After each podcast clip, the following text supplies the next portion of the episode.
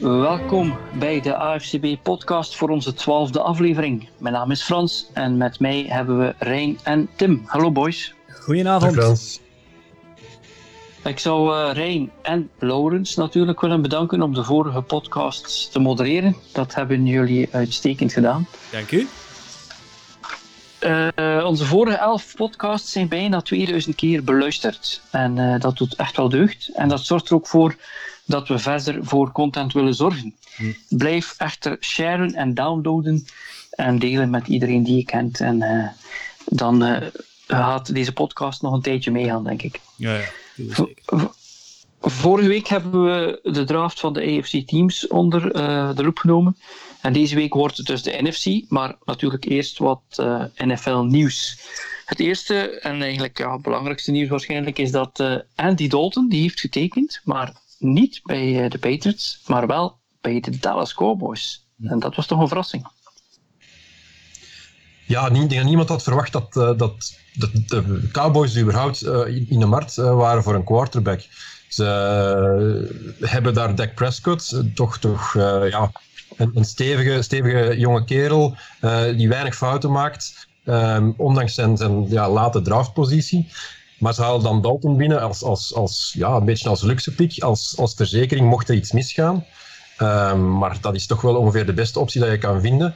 Um, zij, ja, dat is een heel stevige ploeg aan worden nu gewoon, ook met uh, wat ze nog gedaan hebben.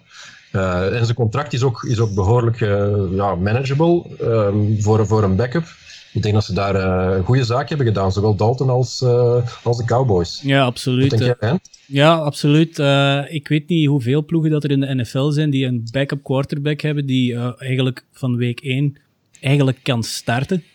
Hij heeft, heeft toch al heel wat ervaring op zijn konto staan. Hij heeft ook al de, de playoffs, wat was het, vijf keren van dichtbij gezien. Oké, okay, vijf keren in de eerste ronde verloren, maar die, die ervaring die ga je zeker kunnen gebruiken. Moest er iets gebeuren met, uh, met Prescott. Uh, die contractonderhandelingen die zullen onderhand wel uh, in zijn eindfase zitten, hopelijk voor, voor de Cowboys zelf. en moest er dan iets gebeuren, ja, dan heb je met Dalton een uitstekende quarterback als, als, als backup. Die gaat van eigenlijk de slechtste ploeg van vorig jaar, gaat die waarschijnlijk naar een van de betere van dit jaar gaan. Ja, ik denk dat Jerry Jones ook stiekem toch wel uh, iets geeft voor uh, Redheads.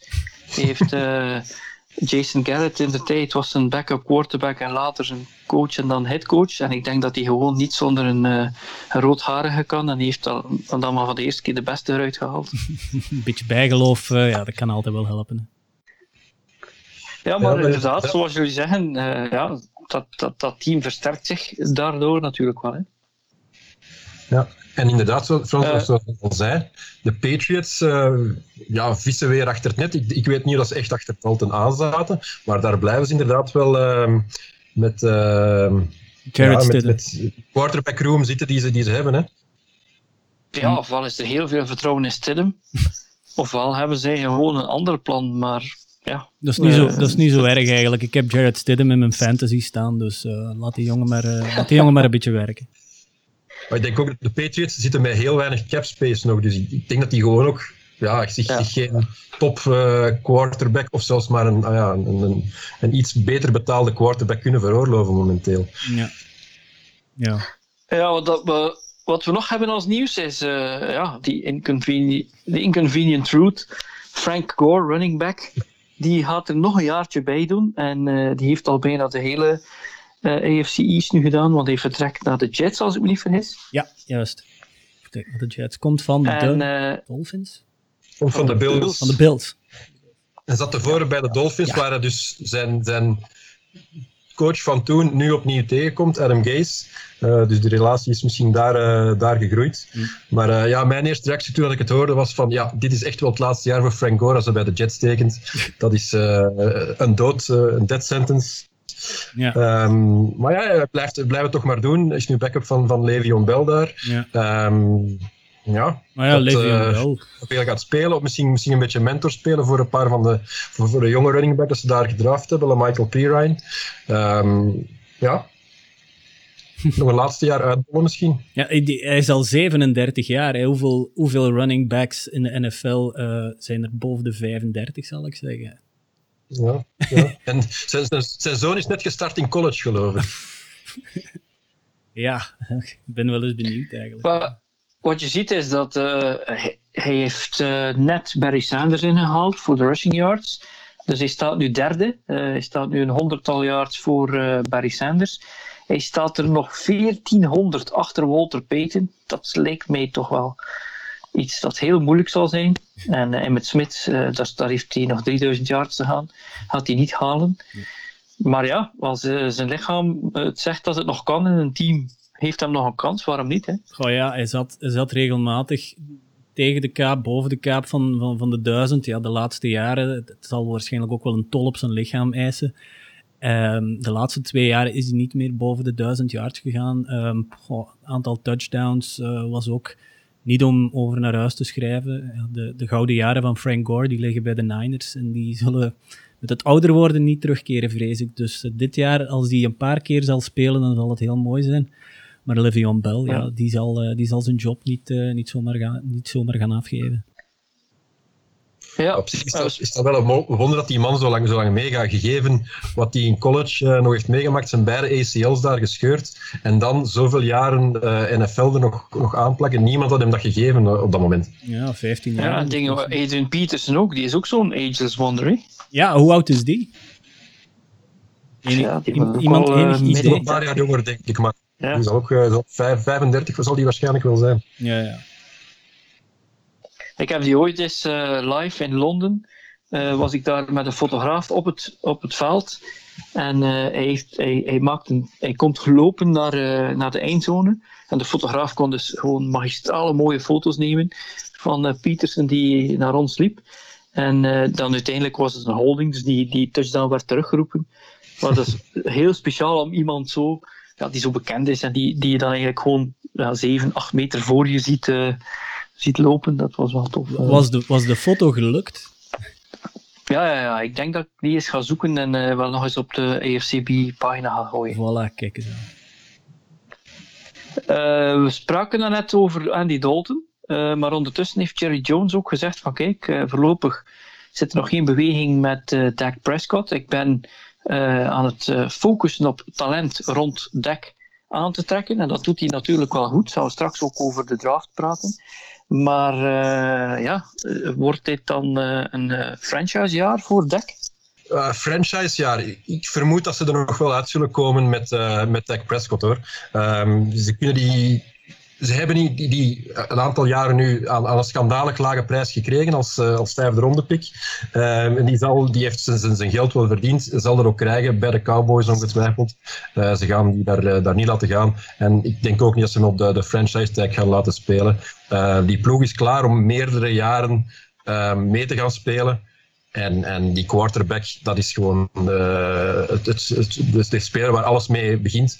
Dus nee, die krijgt zijn contract wel, maar ja, het zal misschien nog een paar dagen of weken duren. Kan het zijn dat ze misschien nog aan het wachten zijn op, op het contract van Patrick Mahomes?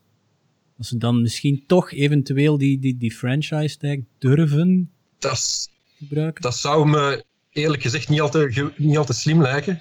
Uh, omdat uh, uh, ja, dan, dan hebben ze Patrick Mahomes als die dat waarschijnlijk gewoon het, het gigantisch monstercontract gaat tekenen. Dan wordt dat de snoer voor, uh, voor Prescott. En hij zal misschien niet evenveel vragen, maar het zal er toch niet ver, uh, niet ver af zijn. misschien kunnen ze nu wel een betere deal doen door, door hem eerst een -hmm. contract te geven. En pas dan te, te zien hoeveel Mahomes gaat, gaat krijgen. Ja. Goed, dat wat betreft Jerry Jones en de, Cowboys. Uh, we hebben natuurlijk ook net gepraat over de Patriots, dat die eigenlijk Dalton aan zich hebben laten voorbijgaan. Uh, Belichick zegt, ja, de deur die is nog altijd niet dicht om er nog een uh, quarterback bij te nemen. Maar hij heeft er op dit ogenblik wel vier in zijn team. En de vraag is natuurlijk wel, ja, wie worden dan die... hij heeft Stidham, Hoyer, Lurke en Jamar Smith. En dan zou je toch nog een andere zoeken, maar ik heb zo de indruk dat er niet veel meer overschiet.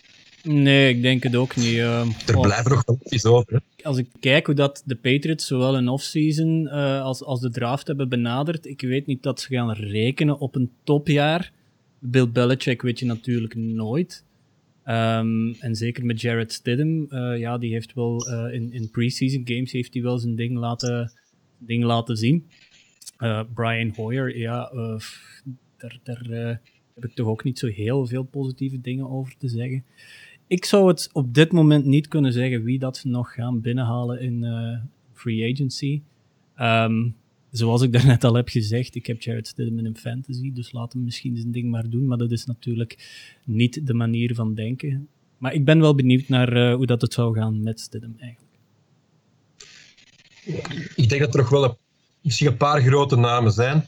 Uh, Cam Newton uh, is waarschijnlijk de, de grootste die er, die er nog niet nog beschikbaar ja. is. Maar met de cap space die de Patriots nog hebben, zouden die echt wel behoorlijke cuts moeten gaan maken in hun roster. Ja, voilà. En dan misschien zelfs op die waar ze nu geweldig, geweldig sterk nog altijd staan. Ehm, ik zie ze die kracht, die kracht op defense niet direct gaan opgeven om dan een, ja, een, een, speler op de retour um, te, gaan, uh, te gaan binnenhalen. Mm -hmm. uh, terwijl, ze, ja, terwijl ze een jonge kerel hebben en dat er misschien in de toekomst, uh, volgend jaar al, een, een, een jonge, een jonge prospect kan gedraft worden, waarmee ze dan wel een toekomst kunnen opbouwen. Dus ik, ja, misschien komt er nog wel iemand bij. Maar ik denk niet dat hij er, dat er in New England potten gaat, gaat breken. Nee, nee. Ja, de, de, wegen daar, de wegen van Bill Belichick zijn ondergrondelijk natuurlijk. Hè. Ja, maar de, weg, de weg is nu uh, wel zonder Brady voor het eerst in 20 jaar, dus ja. Ja, ja, ja. Goed, dan hebben we nog iets in het nieuws, en dat is dan minder goed nieuws. Uh, uh, Don Shula, de legendarische coach, is overleden op 90-jarige leeftijd. als dat bij sommigen geen belletje doet rinkelen, hij is de coach met de meeste regular season wins, 328. Hij had een .677 winning percentage. En dat betekent eigenlijk dat hij twee derde van zijn wedstrijden won. Uh, ook niet vergeten, de eerste 15 seizoenen als headcoach, hij was dus 33 headcoach in de NFL, speelden ze maar 14 regular season games. Dus pas in 78 werden er dat uh, 16. Uh, Shula, die verloor natuurlijk de fameuze Super Bowl 3 als coach van de Baltimore Colts tegen Joe Namath en de Jets. Maar daarna won hij nog twee Super Bowls met de Miami Dolphins en hij verloor er ook twee met de Dolphins. Uh, wat mij bijblijft is dat hij zich eigenlijk wel aanpaste aan zijn spelers. Hij had een running team begin de jaren 70 en dan een passing team in de jaren 80. En hij was ook een belangrijk lid van uh, de Competition Committee en natuurlijk de headcoach van mijn idool uh, Dan Marino. Hm. Uh, en wat ik ook nog wel herinner is dat bijvoorbeeld het jaar dat de Bears de Super Bowl hebben gewonnen, waren het eigenlijk alleen maar de, de Dolphins die hen konden uh, weerhouden van een perfect season. Ze waren 15 en 1. De, de, Dolphins wonnen van de Bears en die hadden dus die code van die defense kunnen kraken. En dan verloren de Dolphins eigenlijk tegen de Patriots en uh, werden de Patriots gewoon volledig weggeblazen in de, de Super Bowl. Dus iedereen had dat wel willen zien. Hm. Um, misschien een minpuntje is dat Shula had eigenlijk de beste pure passer die de NFL ooit heeft gehad. En dat is Marino. Ik bedoel, het is niet omdat hij geen Super Bowl gewonnen heeft of niet, of niet de GOAT is, zoals Brady, dat hij niet de beste pure passer kan zien. Dat, dat zou zelf uh, Brady niet ontkennen. Maar ik kon hem niet aan de Super Bowl helpen. En dat had eigenlijk wel vooral te maken met het feit dat ze er gewoon niet in slaagden om een degelijke running back te draften. Je kunt gewoon niet geloven hoe pijnlijk het was voor mij om van uh, 85 tot 99 daar telkens te zitten en gewoon te merken dat er gewoon niemand werd aangetrokken die het ook wat uh, gemakkelijker kon maken voor, uh, voor Marino. Dus, uh, het zit nog diep, hè? Dus, ja. Het zit precies ja, nog diep. Ja, het zit... En uh, Dolphins-fans die hebben het sowieso al niet gemakkelijk. En dan, uh, ja, als, als, als jij dat verhaal vertelt van, vijf, de, was, van 85 tot 99, dat is redelijk lang dat je op je tandvlees moet zitten, toch al. Hè? Ja, wat, wat ik wel heb is, tussen 83 toen hij begon is Marino en 99 toen hij retirede, heb ik eigenlijk als Dolphin fan wel heel veel mooie jaren beleefd. Hm. Maar de 20 jaar erna, uh, met. Brady in de divisie, dat was natuurlijk ja, ja. niet zo leuk. Nou, er waren toch regelmatig overwinningen van de Dolphins tegen de, de, de Patriots van Brady. Hè? Nou, vorig jaar, Eh, hè? De seizoenen waren misschien niet heel mooi, maar die overwinningen waren er toch altijd. Ja, die smaakte wel goed, hè, met die kick-off return, met die, eh, met die special, speciale play daar op het einde en zo. eh, vorig jaar eigenlijk eh, ja, de playoffs eh kansen verkeken om een eh, home game te hebben door die verlies tegen de Dolphins. Dus ja, dat, maar dan leef je natuurlijk van de hoop als Dolphins-fan. hè. Dan ben je niet echt eh, Nee. een Super Bowl eh, kandidaat. Nu, eh, by the way, eh Shula heeft maar twee keer een losing season gehad in 33 jaar. Dus doe dat maar na. Zelfs Belichick kan dat waarschijnlijk niet zeggen, want met de Browns had hij wel ook wat moeilijker jaren. Ja. En ik heb hem ook persoonlijk ontmoet. Shula heeft zijn eigen restaurant, Shulas. En die man was eigenlijk altijd bereid om over voetbal te praten. Dus spijtig nieuws, maar eh, uiteindelijk was het eh, een van de iconen van de NFL. Die, die, die Shulas, wat voor restaurant is dat eigenlijk, Frans? Is dat een, een burger Het is joint? een, eh, een, nee, een steakrestaurant. Een steak. En je krijgt dus werkelijk, als je aan tafel gaat zitten, dan komen ze gewoon met een soort plastic vorm van de steak die je gaat kiezen, zodanig dat je weet wat je eigenlijk op je bord gaat krijgen. En daarna krijg je dan gewoon een perfecte steak geserveerd. Het was heel lekker. Kijk eens aan. Als het eigenlijk nieuws is, maar ja, eh, het zal sowieso eh, op, op internet de ronde doen, want TMZ is natuurlijk heel blij met dit soort verhalen. Earl Thomas, eh, die nu bij de Ravens speelt, maar heel lang bij de Seattle Seahawks heeft gespeeld, die vond het op een bepaald moment interessant om samen met zijn broer wat extracurricular activities te doen met een paar vrouwen. En daar is zijn vrouw op opgekomen en dan is er, eh, zijn er messen aan te pas gekomen en zijn er wapens getrokken. Zijn vrouw die is gearresteerd en hij niet. Dus eh, ja, dit is ook een stukje van het nieuws. Dus. Er circuleert een, Ja, een redelijk leuke meme hè, over eh, Earl Thomas. eh, want die werd vorig jaar toch ook een paar keer gewoon. Of, of er, er is een wedstrijd waar dat Earl Thomas eh, gewoon eh, een, een, een, een stiff arm krijgt. Dat hij gewoon aan de kant wordt geduwd. Ik weet niet meer tegen welke, tegen welke ploeg dat, dat was. Maar er is een, eh, er is een Ja, leuke, er is een leuke meme ja. van gemaakt en ik zal die nog wel, ik zal die nog wel posten op AFCB. Of misschien staat Ja. ze er zelf al. Voorlopig heeft het geen gevolgen voor hem, voor zijn contract. Maar eh, ja, dat zijn het soort dingen die de NFL natuurlijk niet graag heeft. Het laatste voor we over de draft eh, spreken is eh, de schedule release is er. In principe wisten we normaal gezien wel tegen wie iemand zal spelen als team, maar niet wanneer. Het seizoen begint, NFL Kickoff, is de Chiefs tegen de Texans. En dat is toch wel een mooie rematch van eh, eh, een playoff wedstrijd vorig jaar die niemand gaat vergeten. Ehm, Dat is sowieso dan- een van de beste wedstrijden dat ik ooit heb gezien. Dat, dat staat nu wel in mijn top 3. Dus eh, Ja. als het op zijn minst even spectaculair Ja, mag, please. Comeback was ongelooflijk. Hè? Ja, ja, ja, ja. open mond. Met open Het rare aan die wedstrijd was wel, want ik heb die ook gedaan op Eleven Sports, is dat ik keek naar Jurgen en ik keek naar mij en wij, ik zei tegen hem, ja, als de Chiefs zouden eh 20 punten voorstaan, komen de Texans nooit terug. Maar als de, de Texans voorstaan, dan ben ik nog niet zo zeker dat, eh, dat, de- dat ze de Chiefs gaan tegenhouden. En het was inderdaad zo. Ja, het is die wedstrijd waar dat eigenlijk de legende van Patty Mahomes toch eh, al, al, al werd, ja. werd, werd, werd vastgelegd. Hè. Nu een paar interessante matchups. dat je misschien nu al in je kalender kan zetten. Dat is eh, de tweede week hebben we dan eh, New Orleans Saints at Las Vegas Raiders. De eerste wedstrijd in Las Vegas. En dat zal waarschijnlijk spectaculair zijn in dat enorm mooie stadion. Die heel grote Ehm. eh, Roomba is dat eigenlijk toch? Het is precies een gigantische eh, kamerstofzuiger die automatische rondjes doet. Maar inderdaad, het ziet er wel... Het stadion is toch al helemaal af, nu, of zijn ze er nog aan bezig? Ik denk dat corona daar redelijk wat roet in deed had gegooid, want eh, onder, de, onder de construction workers waren er toch een, een, een, een heel deel ziek gevallen door, eh, door COVID-19. Dus ik hoop, ja. Het schema staat er, dus ze hebben een streefdatum. Ja. Eh, af zal het wel moeten zijn. Nu, dat weet ik nog niet, maar eh, het, het is van moeten nu. En anders toch nog een jaartje in Oakland. Ja, voilà. Stel je voor. Ja. Op baseballveld nog één keer. Nu, ik zie ook eh, ja, en eventueel met Marshawn Lynch, dat hebben we niet op nieuws gezet, maar blijkbaar eh, heeft hij ook wel zijn hand opgestoken om eh, terug te keren naar de Seahawks. Hm. Eh, Nu, week 9 lijkt mij een enorme interessante week, want dan hebben we de Saints in Tampa Bay. Dus Drew, Drew Brees naar, naar Brady trekt. En uh, zoals we op uh, de pagina hebben gepost, dat is, uh, die hebben meer dan duizend touchdowns gegooid.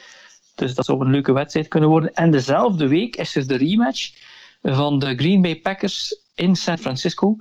Waar het vorige week, vorig jaar niet zo goed is verlopen voor de Packers. Mm. Dus dat zijn eigenlijk wel dingen die er bovenuit steken. Ja. En voor mij de topwedstrijd is week 3. want dan hebben we de Chiefs tegen de Ravens. En dan is het eigenlijk ja, de toekomst van uh, de NFL die tegen elkaar speelt. En dat zou wel eens de, de wedstrijd van het jaar kunnen zijn. Ja, daar zijn dat, dat, heel mooi. dat zijn wedstrijden waar dat ik mijn hart toch vasthoud, dat, uh, mijn hart vasthoud dat, dat de, ja, de sterspelers er gezond doorkomen. Hè, want uh, dat zijn, dat zijn all-out wedstrijden. Die, allee, de, de, Ravens tegen de Chiefs, dat zijn twee van de twee, de twee beste teams. Uh, die er momenteel rondlopen. Ja, iedereen wil achter uh, Patty Mahomes gaan, iedereen wil Lamar Jackson pakken. Dus ja, ik, ik hoop op een heel goede wedstrijd, maar ja, ik, uh, ik, hoop dat ze er gezond uitkomen. En wat dat betreft, die wedstrijd van Green Bay tegen San Francisco, uh, beter als dit jaar zal het toch niet worden. En zeker niet tegen de verbeterde uh, Niners en de, ja, niet verbeterde Green Bay Packers. Dus ik, ik ga die week denk ik niet kijken. Rein is al de kimono aan het openen van wat er nog later gaat volgen. Mm -mm. Uh, Godel heeft ook laten weten dat wegens de COVID-situatie er nog altijd aanpassingen kunnen zijn aan het schedule. Maar dat wachten we dus af. We zijn eigenlijk een van de weinige sporten die voorlopig nog, weinig, nog geen effect heeft op het schedule. En laten we dan maar hopen dat tegen dan uh, alles in kannen en kruiken is. Juist daarover, nog over COVID. Uh, in een van de vorige podcasts haalden we aan dat er mogelijk uh, geen college-seizoen zou komen, dat dat impact zou hebben op de supplemental draft, waar dat er eventueel een paar grote namen uh, uit college in zouden komen. Maar NFL is er blijkbaar gerust in dat dat niet het geval zal zijn. Dus hmm. alles zou moeten normaal verlopen. En ehm, ja, geen, geen, geen steals meer te doen in die supplemental draft. Ja, maar ik heb geluisterd naar eh, de podcast van uh, Stervende Zwanen van onze collega Laurens met uh, Thibaut de Bailly, die in Thousand speelt. Dat uh, spring track, die spring practice, dat is volledig de mist ingegaan al. Hè? Ja, dat denk ik ook wel. als je moment, momenteel is er denk ik geen enkele sportsleague die nog maar bijvoorbeeld aan trainingen doet. Misschien ja, in Duitsland zijn ze blijkbaar al wel bezig met voetbaltrainingen. De, de K-League in Zuid-Korea is vandaag terug begonnen. Ik denk dat heel wat sportfans uh, het, het, het pure wanhoop hebben afgestemd op voetbal uit Zuid-Korea voor toch maar een beetje live sport te hebben. Maar inderdaad, eh, spring football uh, in college, ja, het is niet verantwoord. Zeker niet met een contactsport als, als voetbal. Ik denk dat uh, college inderdaad, dat we daar, dat, dat zouden kunnen kwijtspelen volgend seizoen. Um, er is trouwens ook sprake dat de, de CFL, Canadian Football League, dat die uh, zijn seizoen zou moeten schrappen en daardoor ook het faillissement dan wel staatssteun zou moeten aanvragen van de Canadese overheid. Ik vraag me af hoe dat, dat, uh, dat, wow. dat precies juridisch in zijn werk zal gaan. Uh, maar ja, dus, dus college, het, het, eventueel schrappen van het college-seizoen zou geen impact hebben op het NFL-seizoen op zijn dienst. Ja, als, over, okay, als, overheden, als overheden banken kunnen uitbelen, dan kunnen ze ook wel eens een sportsleague uitbelen. Hè? Dus uh, Justin Trudeau, doe je werk in Canada.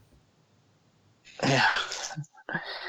Goed, dan wat uh, NFC Draft uh, betreft. Ik ben in principe geen voorstander om net na draft sommige teams de hemel in te prijzen en andere te bekritiseren, omdat hmm. het soms een paar jaar duurt voordat je weet wat je in huis hebt natuurlijk. Maar we kunnen toch aan de hand van wat een team nodig heeft en wat ze gekozen hebben, uh, hier eens checken als ze op de goede weg zijn.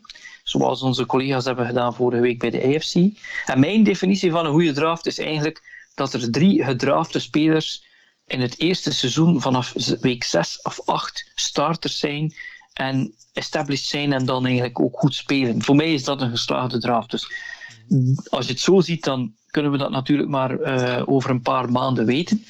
Maar toch uh, kunnen we eigenlijk wel uh, wat zeggen over die drafts van die teams.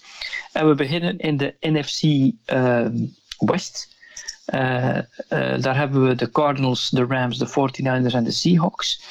En welk team heeft daar bij jullie wel wat indruk gemaakt? En wie heeft er in die divisie een beetje de bal misgeslaan? Goh, um, wat mij betreft, um, in de NFC West hebben de Niners hun huiswerk, toch redelijk goed gedaan. Uh, net als vorige week in de podcast werd er bij de Ravens gezegd: the rich get richer. Um, in dit geval toch ook de Niners. Dat was uh, ja, vorig jaar toch al een ploeg die, waar dat je best wel schrik van kon hebben. ze pakken Javon Kinlaw door een trade met de Colts, dacht ik. Ze krijgen de spot van de Colts voor, de, de, voor de Forrest Buckner. En ja, Javon Kinlaw moet de, de, de schoenen van de Forrest Buckner gaan, uh, gaan, gaan vullen. Uh, dan pakken ze uh, Brandon Ayuk als wide receiver op 25. Dus weer al een bijkomend tool voor, voor, voor Jimmy G. En dan hun vijfde pick en de volgende third rounder, die traden ze voor de tackle van, van, van de Skins, voor Trent Williams. dus ja, de, de, de, Niners was in mijn ogen al een redelijk volledige ploeg. Net de defense die moest toch een beetje bijgeschaafd worden. En met die toevoegingen van deze draft zie ik de Niners toch wel als weer al een contender voor, voor de Super Bowl volgend jaar. Ja, ze hebben hun, de, de, plaatsen waar ze... Ze hadden heel weinig, heel weinig gaten. Die gaten hebben ze deskundig uh, geplukt um, met, met trades, met, met picks. En ze hebben weer een aantal, aantal uh, heel veelzijdige spelers binnengehaald. Hè. Brandon Ayuk inderdaad in die eerste ronde. past perfect binnen het, plaatje van Kyle Shannon. Ik denk dat de 49ers een, een goede, zeer degelijke draft hebben gedaan. Ja, en als ik dan naar die divisie kijk, dan zou ik zeggen, als ik de Cardinals bekijk, die zouden dus voor mij eigenlijk ook niet zo slecht gedaan hebben. Want ja, vergeet natuurlijk niet dat ze geen tweede pick hadden, maar daarvoor hebben ze wel DeAndre Hopkins gekregen. dus uh, dat is uh, niet echt een draft, maar dat was gewoon een, uh, een, een steal. Maar ze draften Clemson linebacker Isaiah Simmons in die eerste ronde. Maar dan verrassend, in de derde ronde komt dan toch nog Houston offensive tackle Josh Jones mm -hmm. in hun schoot geworpen. En ik had toch in, in uh, mockdrafts gehoord dat die ja, in die eerste of tweede ronde misschien zo vallen. Dus zij hebben dan toch wel uh, nog ja, een goede speler binnengehaald in die derde ronde. Ja, er zijn heel ik denk dat ze zowel, zowel in ronde 1 als, als dan met, uh, met Josh Jones, dat ze gegaan zijn voor, voor best play of bijna best player available. Uh, Isaiah Simmons als linebacker kwam, kwam uit de combine heel goed naar voren. Ik heb daar vooral bij genoteerd vanuit fantasy oogpunt. De, de, de Cardinals waren vroeger het, het team dat je moest targeten met je, met je tight ends. Uh, vergeet dat maar, dat, dat zal nu wel opgelost zijn met, met die kerel daar in het midden. En inderdaad, de hulp voor Kyler Murray, um, die, was, die was hoog nodig. En ze krijgen daar toch een goede tackle nog, uh, met een gelukje, uh, in de derde ronde. Dat zal, dat zal zeker die offense helpen. Ja, ik zie dat wat de Seahawks betreft is dat een, ja, een gemiddelde draft geweest. Maar als ik naar de Rams kijk, die hebben dus vier jaar na elkaar geen uh, speler kunnen pikken in de eerste ronde. De laatste die ze in de eerste ronde hebben gedraft was natuurlijk Jared Goff. En dan moet je natuurlijk wel uh, je tevreden stellen. running back Cam Akers en van Florida State, wide receiver van Jefferson van Florida in de tweede ronde. Is dat genoeg? Kunnen zij, kunnen, zijn dat spelers die misschien starter kunnen worden dit seizoen? Ik denk dat het eerder is van, uh, van, van, van de moeders. Van dat Todd Gurley nu toch naar de Falcons is vertrokken. Dat ze iemand als Cam Akers um, uh, en eventueel direct in de, in de starting line-up gaan, gaan gooien. Ja, Brandon Cooks, die is ook weg. Dus de keuze van Van Jefferson op 57, dat zie ik eigenlijk niet als een verrassing eigenlijk. Wat, wat, mij vooral opviel bij, bij de Rams was. Um, ze hadden een paar jaar geleden een heel goede offensive line. Dat is vorig jaar niet zo goed uitgedraaid door een aantal spelers die vertrokken zijn. En er zijn dit jaar ook weer tot de zevende ronde hebben ze geen, uh, geen offensive lineman gedraft. Dus ik denk dat Goff nog een tijdje, dit, dat hij ook, ook dit jaar heel moeilijk gaat hebben. En uh, voor Cam Akers in tweede ronde pick, daar is het gewoon business as usual, want die had, die had in college ook geen, geen offensive line om achter te lopen. Dus die hebben ze misschien in functie daarvan net gepikt. Van, ja, die kerel is gewoon om zonder, zonder hulp te runnen. Dus laat hem dan nog maar een beetje verder doen. En wat, wat betreft nog de Seahawks, die, hadden, die hadden niet al te veel nodig, ju juist misschien een beetje op de pass rush en op de O-line. Um, geen poespas, geen sexy picks, maar ja, uh, als we daar uh, de, de, de, picks van, wanneer was het? Wilson, Sherman, Bobby Wagner, dat waren ook geen sexy picks, maar ja, die hebben ondertussen al wel, wel een Super Bowl op hun, op hun schoorsteen staan. Dus ja, de Seahawks, blijkbaar doen ze hun werk altijd redelijk goed op het gebied van draft. Maar ze gaan er echt nooit uitschieten. Dus ja, onderschat deze draft van, uh, van de Hawks toch maar niet, denk ik. Ja, ik denk dat de Hawks, uh, dat je Pete Carroll een beetje, een beetje kan vergelijken met Belichick. In de zin van dat ze soms wel heel specifieke keuzes maken, maar dat dat gewoon is vanuit hun, vanuit hun concept van welk type, welk soort speler wil ik. En, uh, mm -hmm. en dat dat dan ja, inderdaad, zoals je zegt, meestal goed uitdraait. Um, dus dan zou ik dit samenvatten dat, uh, dat iedereen wel wat verbeterd is door deze draft. en dat de ene ploeg al sneller dan de andere misschien ja, zal zien wie er een steentje kan bijdragen al dit jaar. Maar natuurlijk, als je weet dat de 49ers in de Super Bowl zaten en uit die divisie toch misschien naar voren komen als misschien een van de betere drafters, ja, dan worden de, richer, de rich alleen maar richer. Hè? Ja, Niners uh, zie ik toch oh, bovenaan die divisie staan. Sowieso. Ja. ja. Goed, uh, dan gaan we naar de NFC South. Daar hebben we de Falcons, de Panthers, de Saints en de Bucks. Tim, wie uh, is er daar voor jou speciaal opgevallen in het positieve of het negatieve? Wel, uh, wie mij in eerste plaats is opgevallen zijn de Panthers. De Panthers die met uh, al hun picks volledig op defense gaan. Dus die hebben geen enkel offensieve speler gekozen. Uh, Rule, um, ja, die, die moest blijkbaar die defense uh, versterken. Um, Derek Brown in de eerste ronde als uh, interior lineman op defense. vooral runstuffer, hetgeen dat in een passing league misschien wel vragen bij te stellen zijn, maar die stond sowieso wel, wel hoog aangeschreven. Um, tweede ronde krijgen ze dan een edge rusher, Gross Matos, die bij een aantal analisten, onder andere ook bij uh, collega's Dirk en Alexander, in uh, de eerste ronde stond uh, gemokt. Dus uh, daar hebben we misschien wel een, een goede aangehaald. Maar verder, dus ja, enkel, enkel defense voor de Panthers. Dat, ja, naar evenwicht in de ploeg kan je daar misschien vragen bij stellen. er moesten wel wat gaten ge geplukt worden na het vertrek van onder andere Luke Kuechly. Ehm, ja, het is toch maar... Um, ja, het is, het is geen, er zit geen evenwicht in het lijkt wel alsof ze zeggen, uh, we gaan die defense inderdaad volledig versterken. En die kerel die 62 miljoen heeft gekregen, we gaan hem erdoor voor werken, die running back. Ja. uh, Goed. Kan even, kan even verder. Blah. Ik kan misschien even verder gaan met de Saints. Uh, ja. ja. Die hoefden eigenlijk niks te doen. Die hadden even goed uh, uh, net als Bill Belichick gewoon een hond aan de computer kunnen laten zetten. En dan hadden ze eigenlijk nog altijd een goede draft gehad, volgens mij. Ze hadden er ook, een, ze hadden er ook maar vier, um, dacht ik. Uh, maar ze hebben sowieso al een, een, een, heel sterk roster, eigenlijk een van de meest volledige rosters van de NFL, wat mij betreft. Um, ze draften daar dan wel uh, Cesar Ruiz. Die kan eventueel dan als center gaan spelen voor, voor als vervanger van, van veteraan Max Unger. die in, in 2019 uh, beslissen om er, om mee te kappen.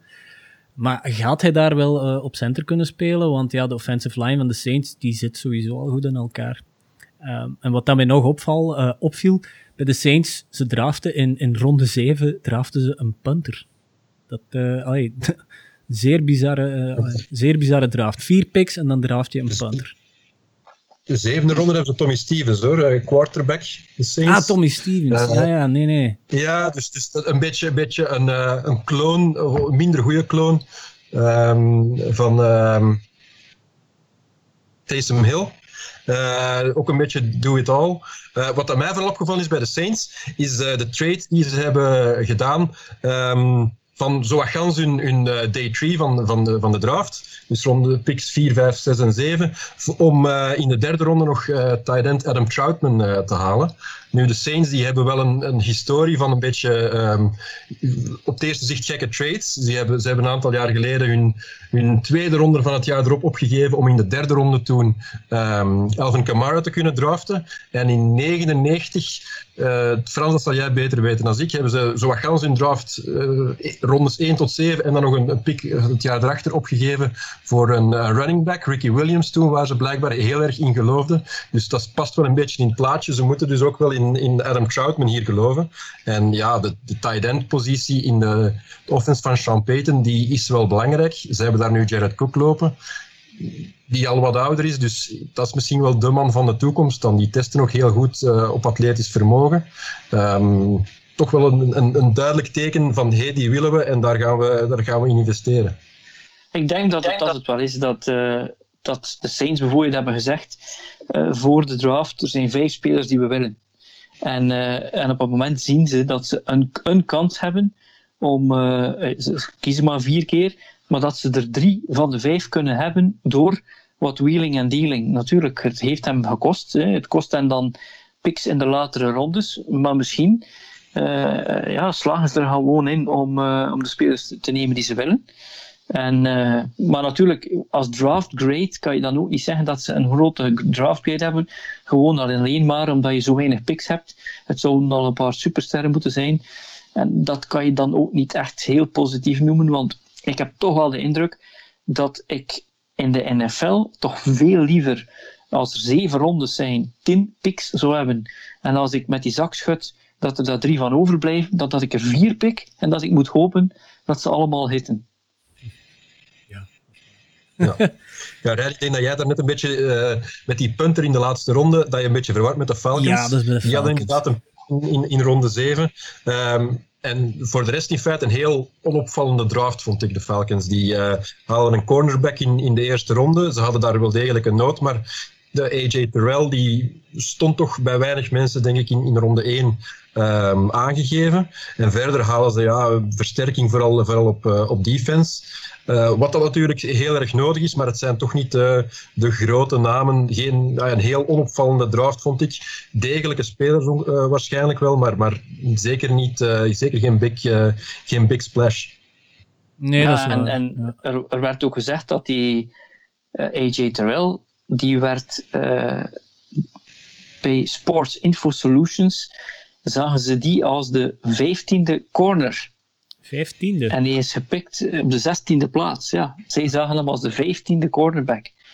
Uh, ja, ze hebben, dat, ze, die zagen jullie waarschijnlijk wel wat hoger, of niet? Ze, ze hebben Desmond Trufant gekut uh, bij de Falcons, toch? Hè? Uh, dus die pick van AJ Terrell, dat ja. was misschien eerder een, een soort van een, een noodpick, een desperation pick. Van ja, we moeten ja. daar iemand hebben dan een doordachte pick.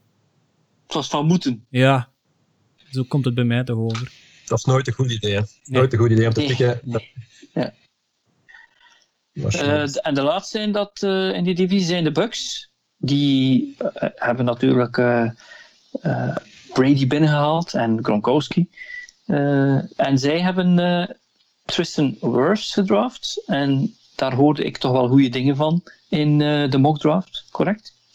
Ja, die hebben hun huiswerk gedaan die moesten, die moesten Tom Brady beschermen. Die hadden daar een van de top, uh, top vier tackles uh, die, ze, die op, bord stond. Ze doen een trade naar boven ook met de 49ers om, om, hem, om zeker uh, binnen te houden. Dus dat is mission accomplished in ronde 1. Ze hebben gedaan wat ze, wat ze moesten doen.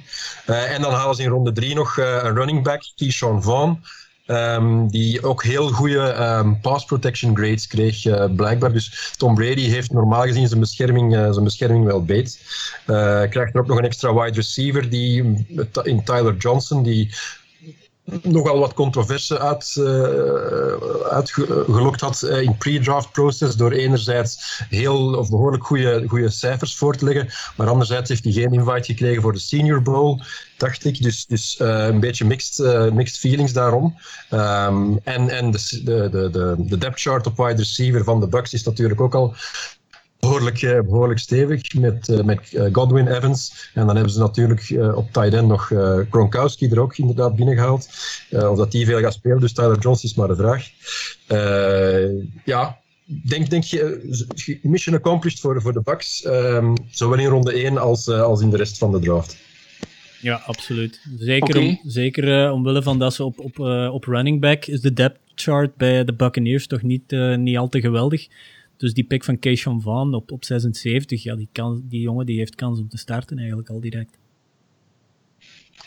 Ja, dus als ik het samenvat in deze divisie, dan hebben de Bucks zich versterkt. En zeker ook wat bescherming voor, voor Brady.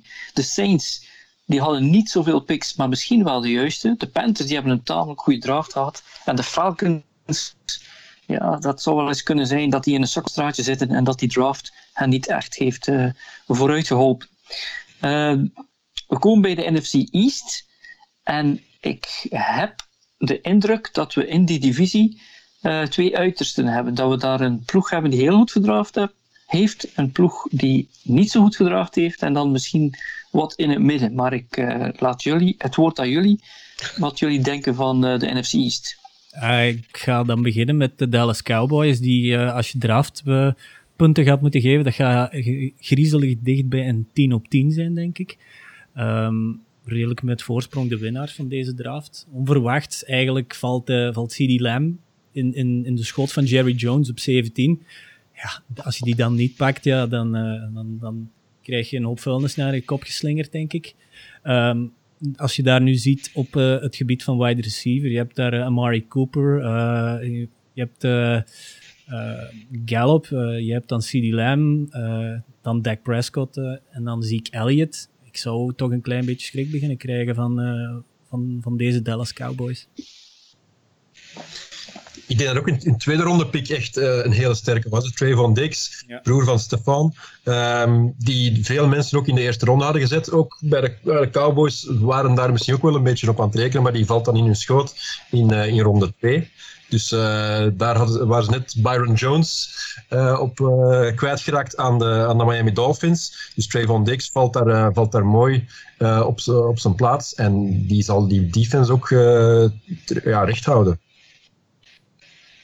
Goed, dus dat is het team waar we natuurlijk van denken dat hij misschien wel de beste draft heeft gehad. En het zou wel eens kunnen zijn, inderdaad, dat het zelfs niet tegen de week uh, eh, 6 is dat we daar drie starters hebben, maar dat het gewoon zelfs tegen het begin, aan het begin van het seizoen al is. Um, dan als ik zou de Redskins voor het laatst willen houden, omdat zij hebben natuurlijk een hele goede speler gedraft, maar de rest van de draft vond ik misschien wat minder. Maar wat vonden we van uh, de Giants? Goh, waar, waar hadden de Giants geen noden? Ze hebben, ze hebben veel gedraft. Uh, en, en, die hadden een beetje op alle plaatsen, konden ze wel een beetje pluggen. Hè? Um, Andrew Thomas op nummer 4 voor de, voor de O-line, om Danny Dimes te gaan beschermen ik denk dat dat ook de, prioriteit van, van de New York Giants was. Het beschermen van, uh, van hun nieuwe quarterback. Want ja, anders gaat hij niet veel zin hebben om weer al in zijn seizoen gewoon tegen de grasmat geplakt te gaan worden. Dus dat is een goede zaak zeker. Eh, Andrew Thomas op nummer 4 gaat uh, onmiddellijk een impactspeler zijn. En dan in uh, ronde 3 uh, ze nog een, een, een offensive lineman, Matt Peart. Dat is meer een passblokker dan een runblokker, maar ja, dat valt natuurlijk een beetje aan te werken. Um, en hun secondary, die hebben ze dan ook nog verbeterd met, uh, met een safety van, van Alabama, Xavier McKinney, in, uh, in ronde 2. Um, ehm, dus ja, het beschermen van Danny Dimes en hier, daar, en, hier en daar een, een, een, defensieve, uh, een defensief gaatje dicht gedaan. De draft van de Giants was voor mij um, zeker de moeite en, en ze gaan het zeker beter doen dan vorig jaar. Ja, couldn't agree more. Ik denk dat ze, dat ze inderdaad uh, de quarterback beschermen was hun voornaamste, voornaamste missie. Dat hebben, ze, dat hebben ze volbracht. En dan uh, een extra, eh, extra man in, de, in de, de, de secondary, Xavier McKinney. Ja, dat is, dat, is gewoon, dat is gewoon in orde. Dus Giants, denk ik dat tevreden mogen zijn. Oké, dus Giants niet sexy, maar wel degelijk een degelijke draft. dan de Eagles. En daar hadden we toch wel een verrassing. Ik denk dat je dan doelt op uh, die tweede ronde pick, uh, ja. Frans. Jalen Hurts, uh, de quarterback van, van Oklahoma, die ze daar, die ze daar nemen. Is een, was inderdaad een verrassende pick. Ik denk, denk dat niemand hem daar, hem daar verwacht had. met Carson Wentz hebben ze daar een heel goede quarterback. die wel makkelijk geblesseerd raakt. Ik weet niet of dat echt blessuregevoelig is, dat je dat mag zeggen, maar hij heeft in elk geval regelmatig iets voor. En dan heb je maar best een, een degelijke backup. Nu, Jalen Hurts daar um, was men het wel over eens, dat dat daar nog werk aan is voordat hij uh, echt een, een NFL-level starter is. Maar uh, heel veelzijdige speler, uh, zowel, kan zowel passen als, als lopen. En um, die kan dus wel ook zo'n beetje een, een, een gadget-style player worden in de, de lijn van, van een Taysom Hill. Um, en uh, Doug Peterson die houdt wel van, van een trucje uh, hier en daar. Hè. We, weten, we kennen allemaal de play nog in de Super Bowl, waar dan ik voor die touchdown uh, vangt. Dus een, een, een, gadget play hier en daar, daar dat mag wel. dus verrassende pick, zeker wel. Maar past wel binnen het plaatje van, van de Eagles en, en, en een coach. Um, dus ik denk, denk ja, best oké okay op dat vlak. Um, ze hadden in ronde 1 ze hadden een hele grote wide receiver niet. Um, met alle blessures die ze daar al hadden. Uh, ze nemen dan misschien een klein beetje verrassend Jalen Rager. Ik denk dat er daar andere, een andere speler eerder gemokt was. Maar uh, Jalen Rager is zeker een hele degelijke speler die dat daar basically onmiddellijk uh, de eerste receiver wordt. gesteld dat Alshon Jeffrey inderdaad op zijn laatste benen aan het lopen is. Dus dat is een, een zeer waardig zeer, een zeer nodige uh, aanvulling daar. En ze halen dan nog, uh, nog twee receivers later in de draft in ronde 5 en 6 met John Hightower en Quez Watkins. Die dat, um, ja, de nodige snelheid brengen, de nodige um, diepte in, in de aanval. En ik denk dat Carson Wentz wel, wel blij zal zijn met uh, de spelers die hij er nu, uh, de targets die hij er nu bij krijgt. Ja, er werd vooral verwacht dat ze niet Jalen Rager, maar Justin Jefferson, Justin Jefferson gingen mm -hmm. kiezen.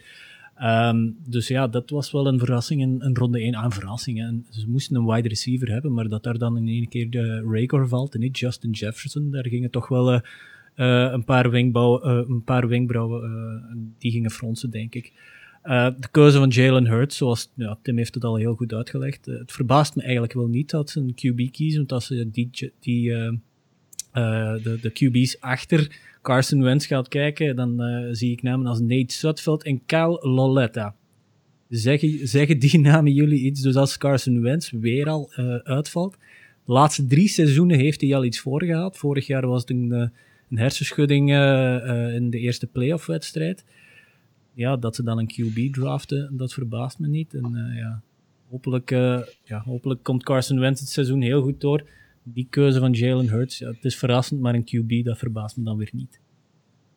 Maar ze hebben een Super Bowl gewonnen met een backup quarterback, met ja. Dus uh, het, het, bewijst dat het uh, interessant is om een goede backup quarterback te hebben. Mijn vraag naar jullie is eigenlijk meer: uh, stel nu dat er heel wat teams een quarterback nodig hadden. Is iemand zoals Jalen Hurts een quarterback die zou kunnen starten van dag 1 en iets betekenen in de NFL? Of is dat meer zoals je zegt van gewoon een soort uh, verzekering. Ik denk dat het veel te vroeg is voor, uh, voor Jalen Hurts. Allee, ik, ik zie hem niet direct als, uh, als een starting quarterback bij, bij de Eagles. Nee, ik zie het niet. Oké. Okay. Goed, de Redskins die hebben een, ja, volgens mij de beste speler in de draft gekozen en dan vraag je waarom werd hij niet uh, door de Bengals gekozen, omdat de Bengals een quarterback nodig hadden natuurlijk. Uh, maar dan hebben de Redskins ook eigenlijk maar heel weinig kunnen halen uit Trent Williams. En hadden ze daar natuurlijk slimmer mee omgegaan, hadden ze misschien twee first round picks dit seizoen. Wat denken jullie van hun draft? Nou, Frans, daar had jij blijkbaar een duidelijk idee over, dus misschien moet jij eerst je commentaar geven. ja, voor mij is het zo, uh, ik, vorig jaar denk ik dat ik gewoon uh, bijna van mijn stoel gevallen ben toen ze Haskins hebben gedraft. Ik, ik, wist gewoon niet waarom ze zien dat Dwayne Haskins eventueel hun franchise quarterback is. En je moet nog altijd toegeven, als je iemand in de eerste 20 picks of 15 à 20 picks van de draft neemt als quarterback, dan is het omdat je denkt dat dit je, je quarterback van de toekomst wordt, zoals de Giants ook beweren met, uh, met Jones. Um, dus ik had eigenlijk wel gehoopt dat zij hier uh, ook quarterback gingen doen en misschien zelfs het herhalen wat de Cardinals vorig jaar gedaan hebben, namelijk Rosen draften en het jaar daarna Kyler Murray draften, had ik hier eigenlijk misschien zelfs Tua zien vertrekken naar de Redskins. Maar ja, voor mij zijn de Redskins eigenlijk een organisatie die al zoveel jaren het moeilijk heeft. En ik, zie daar ja, te weinig, ik weet niet, ja, die, die, die Memphis receiver slash running back Antonio Gibson, derde ronde, is dat iets, iemand die jullie zeggen van daar worden we wel warm van of, of niet? Past, uh, die, die, die, gaat daar Chris Thompson vervangen, denk ik. Hè? Chris Thompson naar de Jaguars. Uh, ja. dat, dat, is een speler die ja, past binnen, binnen dat, uh, dat profiel. Of dat dan nu had heel weinig, was niet echt een heel veel gebruikte speler in college. Dus of dat dat nu de, de savior gaat zijn, dat is nog maar de vraag. Uh, ze, hebben, uh, ze hebben er al een beetje running backs lopen. Het, was ook, het is ook een beetje een hybride speler, running back, running back wide receiver. Um, weet ik niet goed wat ervan te maken. Heeft, is heel atletisch ook blijkbaar, maar ja, weinig over bekend. Gewoon omdat er weinig tape van, uh, van is. Ja. Nu, ik beweerde dan net wel iets en zei dat ze ook de beste speler in de, de, draft hebben gekozen, Chase Young. Is dat zo? Is dat intrinsiek de beste speler die nu uit college komt? Dat gaat onmiddellijk en van dag één uh, de speler worden met, met de grootste stempel uh, in de draft, denk ik. Misschien naast een Joe Burrow. Uh, maar sowieso Chase Young, als je die hebt bezig gezien, als je daar de tape van bekijkt, dat is een, uh, dat is een atleet eerste klas. Die heeft, ja, die heeft een neus om, om, om de quarterback gewoon te gaan pakken. alleen al de keuze van Chase Young maakt voor de Redskins eigenlijk deze draft toch al meer dan semi geslaagd. Ook al zijn de keuzes in de latere rondes niet zo impactvol. Maar uh, in, in, in ronde 1, in ronde 2 moet je impactspelers van, van, van uh, in het eerste jaar, in de eerste maanden zelfs, uh, draften. En dan heb je met Chase Young je huiswerk wel goed gemaakt. En ja, ik, ik, ik zag daar geen quarterback zoals jij, Frans. Chase Young stond daar voor mij op zijn, zijn plaats. Oké. De laatste divisie, NFC North. En ik zou eigenlijk willen beginnen met de Minnesota Vikings die hadden 15 picks. U hoort het goed. Uh, we hadden net een team die er maar vier had. Dit team had 15 picks. Uh, mijn vraag naar jullie, en dat gaat dan vooral waarschijnlijk over die eerste twee à drie ronden. Hebben zij daar iets kunnen oppikken waarvan je zegt dat worden starters? Ja, um, Justin Jefferson dan vooral als vervanger voor Stephon Diggs. Dus dat gaatje uh, is in, de, in het wide receiver gedeelte is direct gedicht ja, in, in, de, in de, sec, hun secondary hebben ze in het offseason ook wel laten leeglopen. Dus uh, met Jeff Gladney op, uh, op 31 hebben ze een, een, een, goede keuze gemaakt. En Ezra Cleveland in, in ronde 2, daar hebben ze toch ook wel een goede offensive lineman mee, mee gevonden. Maar vooral um, ja, Justin Jefferson als vervanger van Stephon Diggs een goede zet geweest. Ja, het is dan dus wel een beetje opvallend dat ze daarvoor ja, natuurlijk, ze hadden misschien verwacht dat iemand anders uh, ging beschikbaar zijn op die plaats. En ze hebben, ze hebben de, receiver, de beste receiver, de beschikbare receiver misschien wel gekozen. Mm -hmm. Maar uh, anderzijds, qua profiel is Justin Jefferson ja, wel een beetje gelijkaardig aan de receiver die ze nog wel hadden aan Adam Thielen. Dus, dus vooral slot, uh, slot receiver. We zullen nog moeten kijken of dat die effectief ook, ook outside uit de voeten kan. Um, hij zal wel gedwongen worden, hij dan wel Adam Thielen, om meer outside te gaan spelen, dat toch een ander, een ander uh, profiel vereist. Um, ja, ja dat, dat ben ik toch een beetje toch, toch, toch benieuwd naar. Oké. Okay. Uh, ik zie de Lions, die uh, hadden de derde pick. Uh, die hebben Jeff Okuda genomen. Wat ik wel speciaal vind, is dat ze pas in de derde ronde een edge rusher hebben genomen, terwijl er toch wel een paar spelers daarvoor waren die zij konden gebruiken. Of zie ik dat verkeerd? Ik denk dat vooral inderdaad uh, hun, hun noden lagen, lagen zeker niet. In hun tweede ronde pick was dan DeAndre Swift op, op de 35e plaats. Um, ze hadden daar al uh, Carrion Johnson lopen, akkoord, een, een, een running back die, die veel blessures, uh, een heel rijke blessurehistorie heeft. Maar uh, running back was toch geen, geen directe noting, dus inderdaad verrassend dat ze daar toch daarvoor gekozen hebben en niet de meer pressing needs van, van een edge rusher op dat moment te, gaan te gaan opvullen. Dus ik ben het daar wel mee eens dat dat een, een, ja, een vrij, vrij vreemde pick was in de tweede ronde. Ze vullen die noot dan nog wel later in, maar ja, qua kwaliteit weet ik niet of ze daar hetzelfde hadden kunnen halen. Ja, het is toch een team die de draft nodig zal hebben om, om een beetje ja, uit die, die, uh, die slump te geraken waar ze nu al een tijdje in zitten. Hè? Ja, ze, ze, ja, ze sukkelen de laatste jaren toch al een beetje. Hè? En uh, met deze draft hebben ze het volgens mij niet echt verbeterd. Uh, ik ben eens benieuwd wat ze eventueel nog in het offseason gaan doen. Um, en dan heb je met Matt Stafford uh, toch ook nog een quarterback die toch ook redelijk blessuregevoelig is. Uh, en daar in die pickorde, daarachter zit toch ook niet veel vets meer. Um, goh. Ik, ik weet het niet. De, de draft van de Lions was redelijk anoniem, zal ik maar zeggen. Er is niks spectaculair gebeurd eigenlijk. Uh, maar ik denk dat ze een beetje het, het, het sukkeltje van, uh, van deze divisie gaan worden. Oké. Okay. De Bears die hadden eigenlijk geen uh, pick in de eerste ronde. Die hebben in de vorige jaren uh, Khalil Mack binnengehaald, David ja. Montgomery, Nick Foles. En daarvoor hebben ze af en toe wat uh, trade value moeten weggeven. Dus niemand in de eerste ronde. En dan openen ze hun, hun, hun tweede ronde met een Notre Dame tight end Cole Kmet. Is ja. dat één, sowieso een starter, time, starting tight end straks of misschien een uh, mogelijkse superster? Of hadden zij andere noden? Hij kwam er wel sowieso als een van de betere tight ends in de draft uh, uit, uh, pre-draft process, Colcomet. Um, ehm, maar hadden ze een nood op tight end? Dat denk ik niet. Uh, ze hadden net Jimmy Graham contract, voor een contract getekend, voor twee jaar zelfs. En die heeft geloof ik zelfs een no-trade clause, dus, dus daar ze zeker twee jaar niet vanaf. Die tight end niet, was, er, was er dus niet. Um, ze, ze, halen in de tweede ronde ook nog een, een cornerback binnen. Uh, op defense waar ze dus, ja, de Bears defense die, die staat de laatste jaren wel, wel stevig. Um, dus in de secondary inderdaad kon daar wel uh, nog, een, nog een extra versterking bij. Um, ik weet niet of de Bears hier nu de beste zet hebben gedaan met, met die openingspicks. Um, ja, ook, wat mij betreft een beetje een, een, een vrij anonieme draft van, van die ploeg.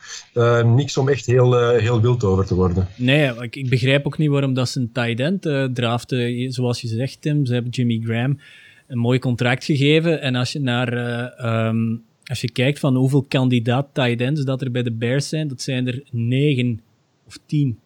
En dan ga je er nog in de tweede ronde Cole Kmet bij gooien bij dat hoopje ik weet niet of dat, dat uh, een, een, een, verstandige keuze is om daar je tweede, je, je tweede ronde pick aan te, uh, aan te geven. Dat was een, een zeer rare zet.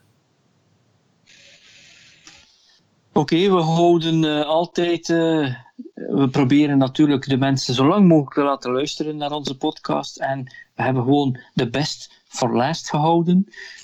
de Green Bay Packers die hebben ook gedraft.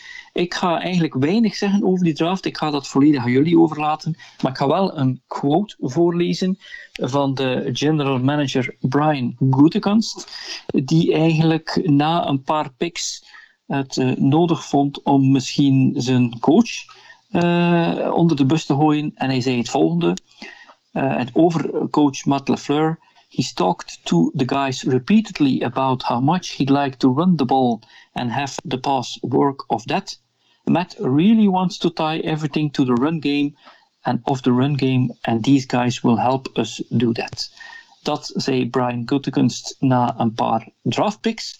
En ik laat uh, nu aan jullie over om uh, eens te vertellen wat er daar allemaal gebeurd is. Ik ga Tim eerst laten, uh, zijn ding laten doen voordat ik in een rant-modus schiet. Ik, ik, kijk zelf ook al uit naar die rant die, die al lang in voorbereiding is, geloof ik. Uh, ik, ik uh, wij zijn inderdaad toch, toch uh, Packer-fan. Um, ja, dit is, dit is triest gewoon. Um, geen idee wat, wat men hier van plan was, wat, wat de, de bigger picture was. Het enige dat ik me bij kan voorstellen is dat, dat, dat ze Aaron Rodgers op zeer korte termijn heel kwaad willen maken, ofwel gewoon kwijt willen. Ehm, ja, gewoon. Ik, ik, ik, snapte dit niet. Ik snapte dit niet. Ik, ik, zat erbij, ik keek ernaar en ik, ik sloeg me, eh, ik sloeg, me stevig tegen het voorhoofd, want dit, dit uh, ja, was teleurstellend. Ik moet, er, erbij vertellen voor, uh, voor het aan de Rijn is om te zeggen dat uh, het merendeel van de redactie zijn de Green Bay Packers fans. En de Packers die hebben met hun eerste pick Utah State quarterback Jordan Love genomen.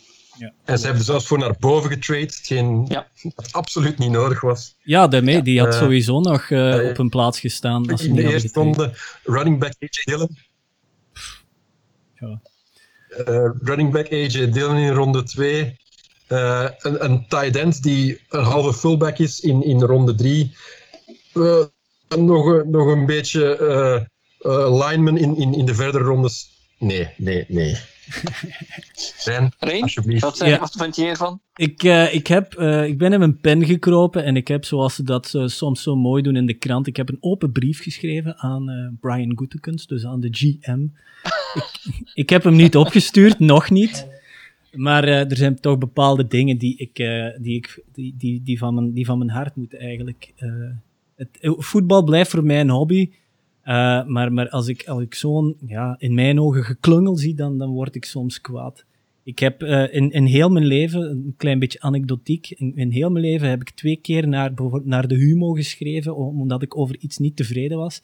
Twee keer hebben ze die brief gepubliceerd. Dus uh, ja, dat gebied is, is, is mijn score nog altijd 100% door naar, naar tijdschriften te schrijven en publicaties. Dus uh, ik hoop dat de deze misschien tot in Lambo geraakt, tot in het bureau van Brian Goedekunst, maar ik vrees er een beetje voor. Um, dus uh, als, als jullie een paar minuutjes uh, een drinken moeten gaan halen of naar, naar het toilet moeten of zo, dan is, dan is nu het moment, want ik, ik denk dat het een, een volledige A4 is bijna. Dus het kan wel eens een paar minuutjes duren. Steek zal wel Rijn, we zijn allemaal heel benieuwd. Oké, okay, is goed. dus bij deze mijn open brief aan de GM van de Packers, Brian Goedekunst. Beste meneer Goedekunst, toen ik vroeger met een middelmatig tot een slecht rapport naar huis moest komen, dan deed ik bijna in mijn broek. Ik wachtte dan meestal tot het laatste moment om aan mijn ouders te vragen om het te tekenen. Er werd altijd redelijk veel van mij verwacht, aangezien ik meestal met goede punten naar huis kwam. Nu, wanneer je een GM van een ploeg bent die, ondanks toch wel lelijk voetbal, moeten we zeggen, in 2019 tot de NFC Championship schopt en een Hall of Fame QB als Rodgers heeft, wordt er ook veel van je verwacht, uiteraard. En als je deze draft moet vertalen naar een schoolrapport, ik zou er niet mee durven naar huis komen, ik zou het zelfs niet door de hond laten opeten. Het lijkt me toch beter dat je even naar uh, onze Magie de Blok gaat luisteren en in je kot blijft. Jullie 2020 draft is het voetbal-equivalent van de legendarische Bud Fumble. Je bent amper twee seizoenen GM van mijn favoriete ploeg en samen met duizenden andere Packers-fans kruip ik onder mijn zetel van schaamte door deze draft. Ik zie het niet. En gelukkig voor jou zijn draft grades de meest irrelevante vorm van journalistiek. Elke ploeg die denkt na de draft dat ze de ploeg hebben om brokken te maken volgend seizoen. Wat uiteraard onzin is natuurlijk. Maar wij als Packers-fan mogen zich nu al in de poes genaaid voelen. En dat ligt helemaal in jouw handen. In ronde 1 traden jullie erboven met de Dolphins. Mooi denk je dan. Hier komt hij, onze eerste receiver van de dag. En vervolgens hoor je het geluid van Packers-fans die in synchroon een gigantische facepalm de wereld laten rondgaan. Jordan Love, QB. By no means was die speler zelf inherent een slechte keuze. Maar om daarvoor een trade te doen, dat verbaast me dan weer wel. Waarom hem niet kiezen in ronde 2? Nou, ik zeg maar Denzel Mims, T. Higgins, Michael Pittman, die stonden er nog. Jij als GM ziet hier duidelijk dan een opvolger voor Rodgers toch? Voor hem is dit de ideale landingspot eigenlijk. Hij gaat sowieso nog een paar seizoenen met zijn geld op de bank moeten zitten en zal aan zijn game kunnen werken. Weg van alle drukte en spotlights, want de kans dat hij moet en zal starten en een team moet leiden is met Rodgers 0,0. Voor het team zelf is dit geen goede zaak. Wanneer hij uiteindelijk de starting spot gaat krijgen, zit hij halverwege zijn rookiecontract. En pas dan, wanneer het voor de knikkers is, zal hij aan zijn toch twijfelachtige spel moeten werken. Als je een slechtere versie van Jameis Winston wil hebben, dan pak je gewoon Jameis Winston. Die speelt blijkbaar toch voor een appel en een ei. Ik zie het hier toch niet. En er wordt nu toch een link gelegd met de pick van Rodgers in 2005. Brett Favre was ongeveer dezelfde leeftijd dan Mr. Discount Doublecheck nu. Opvolging verzekeren toch? Maar het verschil is dat Favre toen maar geen beslissing wou nemen over het al dan niet op pensioen gaan. En Rodgers stond hoog aangeschreven als nummer 1 zelfs. Dat gebeurde toen niet. Die eer beviel Alex Smith. Rodgers die wil nog spelen tot zijn 40ste en je geeft hem niks? Een first round pick aan een QB spenderen waar nog veel werk aan is, ik zie het toch niet. En voor het team dat jij onder je hebt dat zich naar de NFC Championship speelde, is dit een opgestoken middenvinger. Impact-spelers voor het 2020-seizoen, ik zie ze niet. De keuze voor Love die dekken we dus nog af met de mantel der liefde, maar vanaf ronde 2 veranderde alles in een complete clusterfuck. De ene na de andere wide receiver verdween van het bord in een historisch brede receiverklas. Je kiest AJ Dillon, die eigenlijk nog op het bord moest staan in ronde 3. Zeggen de namen Jamal Charles en Aaron Jones je iets, beste Brian? Want ik herinner me dat Jones net meer carries moest krijgen en niet minder. Deze running back in ronde 2, ik zie het toch niet. En tussen de keuze van AJ Dillon en de onbegrijpelijke keuze voor DeGuara als tight end op plaats 94, zagen we drie, drie wide receivers van het bord gaan. Antonio Gibson naar de Skins, Brian Edwards naar Vegas en Devin Duvernay naar de Ravens. Na ronde 2 gingen er nog 22, tel ze 22 receivers van het bord. Je had ze maar te kiezen. Wanneer Davante Adams zijn teen tegen tafelpoot gaat stoten, naar wie moet Rodgers de ballen dan gaan smijten? Naar bloempotten of zo, want ik zie het toch niet? En vanaf dan was het spreekwoordelijke kalf toch al verzopen. Dat de latere keuzes geen kemels waren als de eerste drie, maakt niets meer goed. Met Jake Hansen van Oregon halen we zelfs een sterke center binnen. Ook op het gebied van linebackers vul je de nodige leemtes in, maar de grootste nood laat je ongemoeid. Ik zie het niet. En het lijkt erop dat je op de lappen bent geweest met Bill O'Brien. Jullie hebben duidelijk een weddenschap afgesloten over wie zijn team het hardste kan naaien in het volgende seizoen. Laat het draften de volgende keer toch maar over aan de hond van Bill Belichick. Laten we dat afspreken. Ik ben niet een van die fans die blindelings alles steunt wat zijn favoriete team uitspookt. Zolang jij mijn broeken niet komt strijken en met LeFleur niet mijn frieten komt bakken, is voetbal een hobby voor mij. Ik zal ook nooit in de wij-vorm spreken. Maar wanneer je de spreekwoordelijke klak zo hard in mijn gezicht gooit, heb ik alle reden om gefrustreerd te zijn. In tijden van corona is een hoge bloeddruk het laatste wat ik nodig heb. Je hebt laten zien dat je de baas bent, beste Brian. Geruchten over het diva-gedrag van Rodgers naar de front office zweven al langer rond. Maar om je middenvinger zo hard in A-Rod's gezicht te duwen, lijkt me nu toch niet de verstandigste move. En om af te sluiten wil ik nog even een quote uit een Woody Allen film aanhalen. De essentie, ik denk niet dat die zo moeilijk is. And furthermore, you can all go fuck yourselves. Met vriendelijke groetjes, Rijn. Hoi. Bedankt Rijn, dat, dat is geen rant, dat is gewoon hoogstaande literatuur. Dank u. Het moest eruit. Nu, ik, wat meestal zegt men dit over eh, iemand die een eh, boze eh, tweet stuurt, dan zegt men tien keer je tong in je mond draaien en misschien dan later versturen. Nee, dat, dat is iets wat Trump waarschijnlijk ook zou kunnen doen. Deze brief, ik zou hem wel sturen als ik jou zou zijn. Maar wat er natuurlijk wel heel grappig zou zijn, is moest volgend se- seizoen in de Super Bowl de Green Bay Packers tegen de Houston Texans spelen. Amai. Ja, het is, het is aan goede kunst en aan LeFleur om mij nu fout te bewijzen. La, allee, laat De zien... Ja, de blundertool, ja. La, la- laat het zien dat, nee, je- maar wat je, dat er, iets, dat er, dat wat er een visie in zit. Jullie, ja, jullie kennen eh, genoeg van het spelletje. Jullie zijn ook betrokken soms in fantasy. Jullie weten hoe het zit. En ja, jullie weten echt wel, als dit een voet- fantasy football league was geweest, dan ging iedereen eh, berichtjes sturen naar elkaar van wie is die nieuwe. En eh, deze, dat worden eh 0 en 16 dit jaar. Eh, we gaan zeker traden met die kerel. En dit is eigenlijk wat Goedekans nu heeft tentoongespreid. hè. Ja. Ja, ze willen er een hele, hele shift in de filosofie doen. En ze vergeten daar even dat ze een van de beste quarterbacks aller tijden in hun rangen nog hebben lopen. Ehm, Ja. Die willen gaan, gaan runnen, want met LaFleur, ja, die, die komt dan eh, over van de Titans, waar ze met Derrick Henry inderdaad stevige running back hebben. Ik dacht, we gaan een Derrick Henry-clone eventjes halen en we gaan hetzelfde spelen. Ja, nee hè. Ik- Weet je wat het nadeel is? Want jullie, jullie zijn eigenlijk, eh, jullie zijn eigenlijk eh, fan van het enigste team dat eh, publiek bezit is, dat niet eh, een miljardair als eigenaar heeft. En het komt eigenlijk op neer, als je Super Bowl wil winnen, dan moet je het zo hebben dat de eigenaar, de general manager, de headcoach en de quarterback, dat die op één lijn zitten. En dat die ook voor elkaar opkomen en dat die iets kunnen toegeven aan elkaar. Hier heb je gewoon het gevoel dat er een volledige mismatch is tussen die mensen.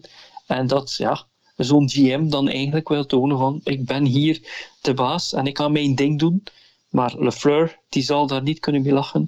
En Rodgers zeker niet. En ik verwacht dat er nog wel iets van zal komen. Het is, het is, het is heel frustrerend geweest om, om, om, om die draft bezig te zien. Ik, je, je hebt, zoals Tim zegt, een van de beste quarterbacks aller tijden. Ik denk dat er heel weinig quarterbacks zijn die één, eh, op die leeftijd nog eh, op die manier dual threat kunnen zijn en de bal in zo'n kleine windows kunnen gooien. Of, of allee, het passing game van Rodgers is, is in mijn ogen nog altijd een van de betere. Eh, en Hebben jullie dan- live gekeken, live gekeken naar die draft? Ja, absoluut. In die ronde Ja, 1 toch ja. zeker. En daar, daar wist ik toen jullie, al- heb je dan geroepen naar het scherm? Ik ben eh, vijf minuten later ben ik gewoon eh, s s'morgens om zes uur een, een toerke gaan wandelen. Want eh, het, het, zat me, het zat me even te hoog, denk ik. eh. ik toen, toen zag ik het al aankomen, denk ik. Toen zag ik het echt al aankomen. Ik ga met, met, met, met genepen billen kijken naar de match volgend jaar. Ik weet niet eh, wat ik ervan moet verwachten. Als ze een, een, een running game willen installeren, ehm, ja, waarom zet je dan nog eh, eh, Aaron Rodgers under center? Ik begrijp het niet. Kijk, een slechte draft is nog niet altijd een, een slecht seizoen. Nee. Bij deze eh, zou ik jullie en onze collega's van vorige week willen bedanken. Ten eerste is er heel veel werk gestopt in de mock drafts en nu is er ook heel veel werk gestopt in eh, het analyseren van die drafts. Dus ik wil eh, de, de collega's van vorige week en jullie ook vandaag zeker bedanken. En ik hoop eh, dat onze luisteraars gewoon wat wijzer en slimmer geworden zijn door naar ons te luisteren. Bedankt, eh, jongens. Dat is graag gedaan. Ja, met veel plezier. Oké, en dan eh, zou ik zeggen tegen onze luisteraars: er is waarschijnlijk weinig nieuws te rapen in de volgende weken. Maar eh, vanaf wij genoeg materiaal hebben om een podcast in elkaar te botsen, dan, eh, dan gaan we dat doen. Ik zou zeggen, tot de volgende keer.